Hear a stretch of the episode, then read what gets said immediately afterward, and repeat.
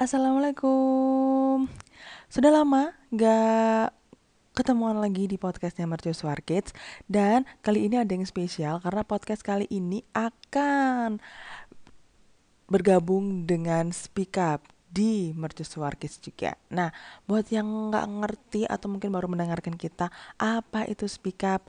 Nah, Speak Up adalah salah satu segmen yang ada di Mercusuar WhatsApp Group. Jadi, untuk bunda semua yang sudah menjadi membernya Mercusuar Kids pasti tahu banget kan pada hari Jumat pasti ada segmen Speak Up. Nah, kali ini Speak Up akan naik ke podcast dan bisa didengarkan oleh lebih banyak lagi. Nah, makin seru lagi karena seperti biasa, Ola Chandra di sini akan ngobrolin tentang uh, memulai berkegiatan bersama anak. Nah, tapi ngobrolnya nggak sendirian, karena pada malam hari ini akan ada Mama Yasmin atau Mama Ayunda, tapi Bunda lebih seringnya manggilnya si Mama Yasmin ya. Jadi Mama Yasmin ini akan ngobrol bareng Bunda selama uh, beberapa saat ke depan. Dan tema pada malam hari ini adalah tentang yuk berkegiatan bareng anak di rumah. Mama Ayunda, halo, apa kabar? Gimana kabarnya Yasmin? Nah, alhamdulillah baik-baik saja, semuanya sehat walafiat. Bunda sendiri kayak mana kabarnya? Alhamdulillah baik, semuanya dalam keadaan baik. Semoga kita semua selalu dalam uh, keadaan yang sehat ya di tengah pandemi seperti ini. Semoga uh, jauh-jauh deh pokoknya dari hal-hal yang tidak mengenakan. Mama Yasmin, kayaknya kita lebih uh, enak nyapanya pakai Mama Yasmin aja ya, karena Bunda emang lebih seringnya nyapanya kayak gitu. Oke nih Ma, kita mau ngobrolin tentang uh, bersamai anak di rumah. Mama Yasmin ini termasuk salah satu uh, teman diskusi Buna tentang apa nih Ma? Tentang uh, bersemai anak di rumah ya Ma ya. Jadi kita tuh salah uh, cukup beberapa kali ngobrol, terus uh, sama-sama sharing lah tentang ngapain aja sih di rumah bersama anak gitu kegiatan-kegiatan apa yang uh, asik untuk dikerjakan berdua bareng anak di rumah. Kira-kira apa sih awalnya yang membuat Mama Yasmin itu jadi seneng banget nih bikin-bikin mainan-mainan kreatif atau kegiatan-kegiatan edukasi buat Yasmin di rumah? Ya bunda bener banget. Jadi ingat waktu pertama kali kita ngobrol tentang aduh kenapa ya anakku kok susah banget fokusnya kok disuruh belajar itu nggak mau kok lebih suka uh, melamun lebih lebih milih untuk main gadget daripada untuk uh, duduk diam untuk belajar gitu. Dan saat itu uh, ketahuannya pada saat uh, Miss di sekolah itu kasih tahu ke saya um, kalau misalnya si Jasmine ini lebih suka melamun, lebih suka uh, diam dan nggak fokus kalau diajak bersama diajak ngomong terus tugas-tugas di sekolah pun nggak selesai gitu. Terus aku uh, coba cari tahu kenapa nih anak nih seperti ini gitu. Apa si Yasmin ini lagi emang lagi bosen atau akunya yang kurang aware untuk memberikan uh, pelajaran atau permainan yang edukasi yang menyenangkan untuk belajarnya si Yasmin kayak gitu. Saat dibilang seperti itu sama Miss, aku jadi kepikiran dong sebagai orang tua. Gimana kalau misalnya Jasmine seperti itu terus di sekolah? Nggak mau nggak mendengarkan Miss ngomong, sukanya melamun, nggak selesai tugasnya. Terus kalau misalnya dibiarin kayak gini terus, aku jadi was-was. Gimana nanti ke depannya? Bisa nggak dia mengikuti pelajaran? bisa nggak dia bersaing sama teman-temannya maka dari itu aku mulai dong cari referensi lihat-lihat internet lihat-lihat Instagram terus sharing sama mama-mama. Dan di situ aku ketemu Buna. Dan waktu aku lihat Buna wah ini mama keren banget nih. Dengan dua anak yang beda usia tapi dia bisa konsisten mengajarin anaknya. Dan pada uh, dan anaknya pun nurut gitu loh kalau disuruh belajar belajar kalau disuruh main-main. Dan aku sharing dong Kok bisa anaknya Buna seperti itu? Gimana caranya? Dan aku kepoin lah Buna itu. Aku sharing sama Buna. Gimana caranya membuat anak untuk belajar lebih menyenangkan. Gimana memulainya. Terus uh, kita harus up, melihat uh, apa pertamanya itu dan mencocokkan apa keinginan anaknya dan dari situ aku berpikir kalau anakku disuruh cuman duduk aja kayak gitu nggak bisa kayaknya. Karena eh, nggak uh, sesuai sama tipenya Jasmine. Kalau tipenya Jasmine dia sukanya uh, lari sana lari sini. Dia sukanya yang bergerak yang benar-benar ada tantangan. Dan dari situ aku melih aku mencari tahu gimana mm, menghubungkan antara kesukaannya Jasmine yang hobinya lari-lari, suka coret-coret dengan belajar dari situ aku mem, aku browsing-browsing dong di internet. Aku cari-cari caranya kayak mana semua uh, aku terapin. Aku trial error ke Jasmine. Oh cara ini nggak pas untuk Jasmine. Coba cara lainnya. Akhirnya aku menemukan cara belajar dengan menggunakan kertas. Aku mengambil media kertas karena uh, aku pertama aku melihat Jasmine sukanya coret-coret dari kecil. Dia suka coret-coret dinding coret-coret lantai coret-coret kertas buku semuanya dicoret-coret. Nah dari situ aku kepikiran kenapa nih nggak kertas? Bilang kayak gitu. Hmm, dari situ aku berpikir gimana nih caranya mengawalinya. Biar Jasmine tertarik sama apa yang akan aku lakukan. Karena Jessie Jasmine itu suka tantangan hmm, dan orangnya penasaran, makanya uh, aku ajak lomba kecil-kecilan. Aku tantang dia untuk lomba menggambar sama aku. Jadi misalnya uh, aku bilang sama Jasmine, Jasmine uh, kita lomba yuk. Uh, lomba buat kapal misalnya kayak itu aku kasih dia kertas aku kasih dia spidol itu dan pada saat uh, kita menggambar dia ngelihat tuh uh, ngelihat ke kertas punyaku oh kayak gini ya mama menggambar. Oh ternyata uh, seru ya menggambar itu bermain warna terus bisa mengeksplor uh, apa yang ada dalam diri kita apa yang ada dalam pikiran kita. Oh ternyata gambar kapal itu seperti ini ya kayak gitu. Nah dari situ dia akan belajar oh bentuknya kapal itu seperti ini. Terus uh, warnanya kapal seperti seperti ini. Terus benderanya kapal warnanya apa? Terus kapal itu uh, adanya di mana? Di laut kayak gitu. Dia akan belajar semua itu. Di situ dia mulai tuh uh, menirukan gambar kapal sesuai sama gambar aku yang aku buat kayak gitu dan lama-lama dia mengeksplor dari cuman gambar kapal dia tambahin gambar orang, gambar ikan,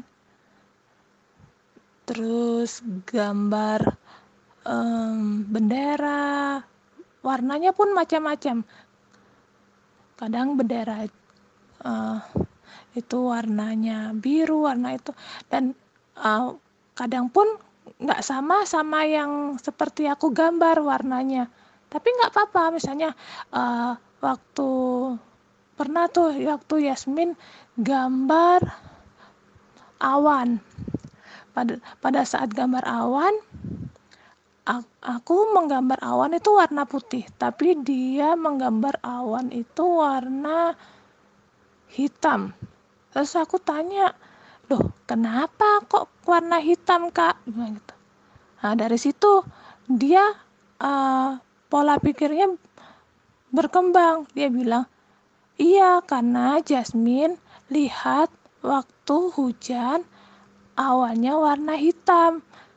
Makanya Yasmin gambar awannya warna hitam. Dari situ aku mulai tuh mengembangkan uh, pembelajaran dari menggambar sampai nanti lama-lama itu ada untuk yang berhitung, ada yang untuk uh, art and craft, hmm, ada yang untuk pattern, menggunting segala macam. Pokoknya semuanya medianya tentang kertas. Bunda mulai awal mulainya uh, cara ngajarin Jasmine untuk tetap belajar bermain sambil belajar sih. Walaupun ya kalau orang mikirnya oh cuman main-main aja cuman uh, mewarnai kertas, cuman um, apa namanya, uh, cuman menghubungkan garis, tapi dari situ dia belajar belajar menyamakan warna, menyamakan bentuk, terus memahami konsep, terus uh, mencoba untuk problem solving untuk uh, menyelesaikan tugas-tugas yang diberikan sama mamanya kayak gitu. Wah, keren sih Mama Yasmin. Tapi aku malu deh. Aduh, aku tidak sekeren itu. Kita sama-sama belajar lah, Ma. Soalnya aku pun sering banget ditanya. Mungkin akhirnya Mama Yasmin sekarang pasti sering lah ditanya ya. Wah, kenapa kok bisa kayak gitu ya anaknya ya? Kok uh, cara caranya gimana gitu? Awalnya tuh aku sendiri mah ya, kadang suka bingung sih kalau ditanya uh, mulainya gimana? Karena menurutku mulainya ya ya ya coba aja dulu, jalanin aja dulu gitu. Karena kan sebetulnya kalau untuk membiasakan membiasakan anak itu yang di-challenge dulu itu sebenarnya kan kita ya, Mai ya. Or maksudnya kayak orang tuanya dulu gitu loh. Enggak sih kalau sebenarnya anak-anak itu pasti akan bisa tergantung gimana orang tuanya atau kitanya sendiri nih yang memulainya, yang ngetritnya di awal juga gitu. Soalnya kan uh, ya mereka nggak akan nggak akan bisa seperti ini kalau kita sendiri nggak menstimulasi di awal ya nggak mah juga mah yang uh, bilang gini nih ke aku tapi anakku tuh udah aku coba bun cuman dia tuh nggak mau diajak belajar itu nggak mau gitu sebenarnya kira-kira menurut Mama Yasmin ada apa gerangan di situ? Ya Buna, banyak banget yang tanya kayak mana caranya uh, anaknya tuh biar bisa pandai kayak Yasmin. Terus biar kreatif lah, biar nurut kayak gitu, berprestasi. Terus uh, ya macam-macam lah kayak gitu. Terus ya aku aku bilang sama mereka yang tahu anak kita itu adalah kita sendiri karena sebagian waktunya anak itu yang tahu tuh kita kapan anak itu uh, lagi mood atau enggak uh, lagi sukanya apa karena tiap anak itu pasti berbeda-beda ada yang misalnya anaknya lagi suka hitung, ada yang anaknya lagi suka nyanyi, ada yang anaknya lagi suka gambar, macam-macam. Dan waktu awal-awal Jasmine lagi nggak mood itu, dia itu lagi suka-sukanya nonton loh Buna. Itu lagi suka nonton Frozen karena kan lagi booming-boomingnya tuh. Terus lagian habis nonton bareng sama teman-teman sekolahnya dia kayak itu terus uh, dia minta diputar berkali-kali nih. Terus aku mikir gimana caranya walaupun dia nonton tapi dia tetap ada pembelajarannya? Hmm. aku ajak dia ngojek ngomong uh, kakak Jasmine itu nonton film apa begitu nah, terus ceritanya tentang apa ya? Nah, pada saat adegan uh, misalnya adegan yang apa namanya Elsa lagi cari mamanya nih misalnya kenapa dia seperti itu? Kenapa dia sedih? Kenapa uh, si Elsa ninggalin si Anna dan di situ aku ajak dia uh, mengeksplor ras inf, apa namanya mengeksplor pengetahuannya tentang film itu. Nah, selain selain itu aku juga bisa ajak dia untuk uh, mengenal kata-kata, mengenal huruf per huruf yang ada di subtitlenya itu. Dia sudah bisa mengenal huruf-hurufnya, jadi waktu uh, waktu nonton aku translatein apa yang diucapkan dengan apa yang ada di teksnya dan aku tunjuk tuh teksnya. Dia sudah bisa mengenal huruf-hurufnya jadi waktu uh, waktu nonton aku translatein apa yang diucapkan dengan apa yang ada di teksnya. Dan aku tunjuk tuh teksnya. Aku tunjuk dengan cara mengejanya. Jadi uh, mengeja suku katanya. Jadi sekalian dia belajar untuk mengenal huruf dan suku kata. Walaupun anak kita itu sukanya nonton tapi tetap kita sebagai orang tua kita harus dampingi dan kita bisa uh, masukkan edukasi ke anak kita ya lewat kita tanya filmnya tentang apa, ceritanya bagaimana, siapa saja pemainnya, jalan ceritanya seperti apa, kenapa dia seperti itu, atau bahkan yang uh, mungkin yang lebih tinggi lagi levelnya bisa disamakan uh, antara ditranslitkan antara yang diucapkan dalam film dengan subtitle yang di bawahnya sekalian anak juga belajar untuk membaca subtitlenya. Walaupun anak kita itu sukanya nonton, tapi tetap kita sebagai orang tua kita harus dampingi dan kita bisa uh, masukkan edukasi ke anak kita ya lewat kita tanya filmnya tentang apa, ceritanya bagaimana, siapa saja pemainnya, jalan ceritanya seperti apa, kenapa dia seperti itu, atau bahkan yang uh, mungkin yang lebih tinggi lagi levelnya bisa disamakan uh, antara ditranslitkan antara yang diucapkan dalam film dengan subtitle yang di bawahnya. Sekalian anak juga belajar untuk membaca subtitlenya. Pinter kita sebagai orang tua kita harus bisa melihat anak kita ini sukanya apa, terus anak kita ini maunya gimana, moodnya bagaimana. Dari situ kita bisa um, mencoba gitu loh. Jangan jangan ragu untuk mencoba hal-hal yang uh, dianggap sepele, walaupun itu kayak misalnya Jasmine nih tadi walaupun itu cuma sekedar menonton kayak gitu hal lagi kalau bisa kita sebagai orang tua jangan sampai menyepelekan apa yang anak kita suka walaupun menurut kita itu uh, nggak masuk akal atau nggak nggak bermanfaat. Misalnya uh, anak kita suka main pasir atau main air misalnya kayak gitu. Tapi dari kesukaan main pasir sama air, main air ini kita bisa uh,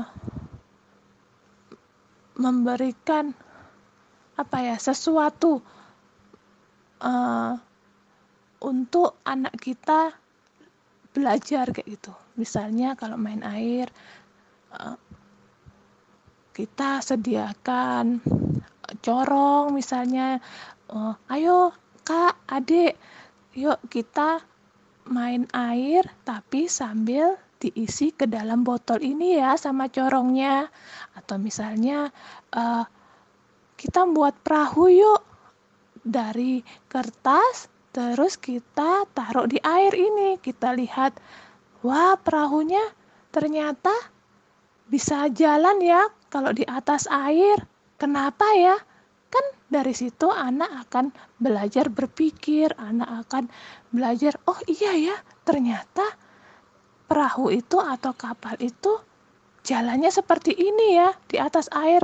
Kalau di laut, menjawab pertanyaannya Buna tadi, kenapa biasanya kita udah orang tua udah nyoba tapi anak kita nggak mau melakukan seperti itu. Berarti otomatis anak kita lagi nggak suka maksudnya lagi uh, nggak kepingin melakukan seperti itu atau enggak cara yang dilakukan orang tua itu nggak sesuai sama pola belajar anaknya kayak gitu. Bagi orang tua harus uh, lebih aware terhadap keinginan anak terhadap uh, kesukaan anak kita, moodnya anak kita, terus um, dan kita sebagai orang tua juga harus lebih kreatif uh, untuk apa ya untuk mencari referensi-referensi dan memanfaatkan teknologi yang ada yang canggih sekarang ini untuk melihat gimana sih uh, biar anak itu mau belajar gimana sih cara memadukan kesukaan anak biar anak itu selain dia yang dia suka dia juga ada pembelajaran untuk dirinya kayak gitu Setuju banget. Soalnya gini ya Maya, sebetulnya kan uh, ya karena kita sebagai orang tuanya yang pasti tahu anak-anak itu sukanya apa, butuhnya apa, tipenya gimana, karakternya kayak apa. Nah, sebetulnya apa pun itu uh, bisa dicari celahnya. Terus nyari celahnya gimana? Ya seperti yang Mama Jasmine tadi bilang ya, uh, trial and error terus sampai akhirnya kita sendiri nemuin formulanya yang pas. Karena kalau kadang kita tuh kayak nyaranin ke mama lain gitu loh coba deh begini begini begini. Itu adalah formula kita gitu loh. Ketika kita uh, sampaikan formula kita ke orang lain ini guys itu hanya sekedar sekedar apa ya mak kayak sekedar contoh aja sekedar uh, sebagai referensi aja tapi tidak bisa plek-plekan dipakai di uh, anak lain gitu loh karena belum tentu cocok gitu loh. Kadang kan banyak tuh yang aku udah nyoba dong kayak Buna aku udah nyoba nih kayak Mama Jasmine tapi kok nggak bisa ya? Karena mungkin formulanya yang dipakai itu formula kita buat anak kita gitu loh. Kalau di pleketi-plekan ke anaknya orang lain kan belum tentu sama ya Maya ya. Jadi memang uh, untuk membuat uh, kegiatan di rumah kemudian untuk bersama anak-anak di rumah semua memang harus dari kitanya. Kitanya sendiri yang berkemauan dan kitanya juga yang harus bisa konsisten untuk menjalankan itu semua. Tapi satu lagi nih mah karena proses kegiatan bersama anak-anak ini tuh harus happy ya mama ya. Nggak cuman uh, anaknya aja yang happy tapi kitanya nih orang tuanya juga harus happy. Karena kalau dua-duanya udah happy itu kayak kayak udah jadi kebiasaan udah kayak habit gitu ya mama Yasmin ya. Kayak kalau sehari kita nggak ngapa-ngapain tuh kayak nggak seru yang ya nggak sih? Karena kalau di rumah kayak pas mager gitu tapi pasti ada pasti ada masih ada uh, apa ya kegiatan edukasinya walaupun mungkin cuman berapa menit gitu ya pasti masih ada nyempilnya. Ya nggak sih? Karena ya memang sudah terbiasa setiap hari kita melakukan itu. Dan apa yang kita lakukan itu nggak nggak berasa belajar karena kita melakukannya kayak iya itu udah udah kerjaan harian aja terus abis itu anak-anak juga nggak ngerasa lagi uh, belajar anak-anak ngerasanya mereka tuh lagi main nggak sadar kalau di dalam mainnya itu ada proses uh, mereka belajar Iya, lagi pula semua kegiatan dalam keseharian pun sebetulnya adalah proses belajar. Practical life sampai lupa. Iya kan, mah? Practical life itu kan itu kan juga belajar gitu loh. Nah, jadi kalau uh, Bunda semua yang masih bingung harus dimulai dari mana? Ya, ayo kita mulai dulu. Kita mulai dulu dengan ada apa yang ada di sekitar kita dulu, apa yang anak sukai dulu Mungkin itu deh yang paling gampang. Iya, lagi pula semua kegiatan dalam keseharian pun sebetulnya adalah proses belajar. Practical life sampai lupa. Iya kan, mah? Practical life itu kan itu kan juga belajar gitu loh. Nah, jadi kalau uh, Bunda semua yang masih bingung harus dimulai dari mana? Ya, ayo kita mulai dulu. Kita mulai dulu dengan ada apa yang ada di sekitar kita dulu, apa yang anak sukai dulu. Mungkin itu deh yang paling gampang. Uh, mau nanya ke Bunda Yasmin, kira-kira pesan pesan apa deh buat para bunda semua yang masih galau gimana caranya untuk memulai uh, berkegiatan edukasi bersama anak-anaknya di rumah? Buat bunda-bunda yang ada di rumah yang sedang mendengarkan pesan saya ada tiga, lihat, happy, dan lakukan. Lihat. Pertama lihat. Karena kita sebagai orang tua kita yang tahu bagaimana anak kita apa yang disukain anak kita kita perhatikan kita lihat seksama terus yang kedua happy jadikan bermain dan belajar bersama anak kita sebagai suatu yang menyenangkan sebagai momen berharga untuk kita sebagai orang tua yang gak akan terulang lagi. Dan yang ketiga, lakukan. Coba terus, lakukan terus. Nanti lama-lama akan ketemu polanya di mana. Oh, ternyata uh, model belajar seperti ini yang cocok untuk anak saya. Nah, dan di situ akan terbentuk suatu habit kebiasaan walaupun nantinya uh, nggak uh, maksudnya ada waktu-waktu yang nggak belajar tapi tetap terselip edukasi di dalamnya. Entah itu saat bermain atau saat menonton atau hanya saat bermain game atau tanya jawab diskusi gitu.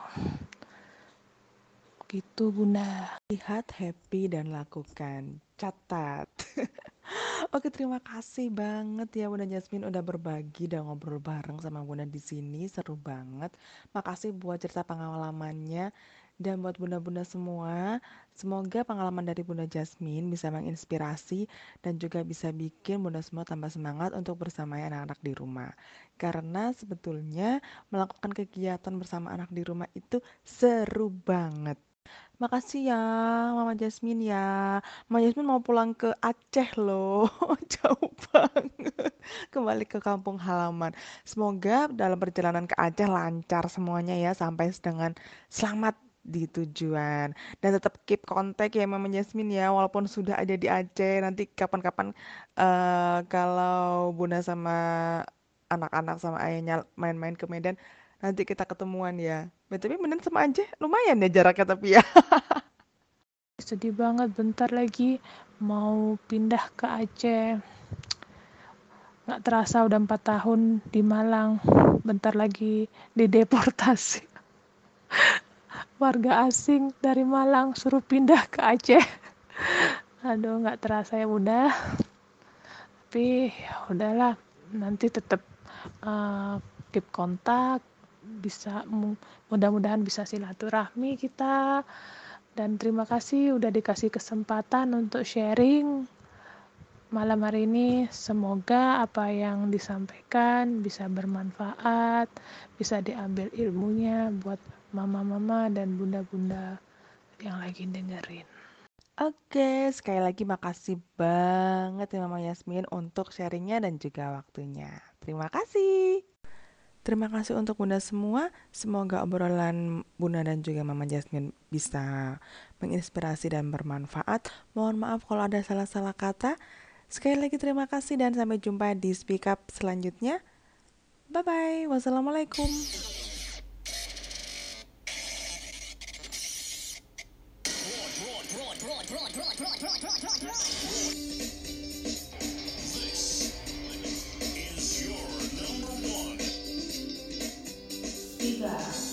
Tiga, tiga.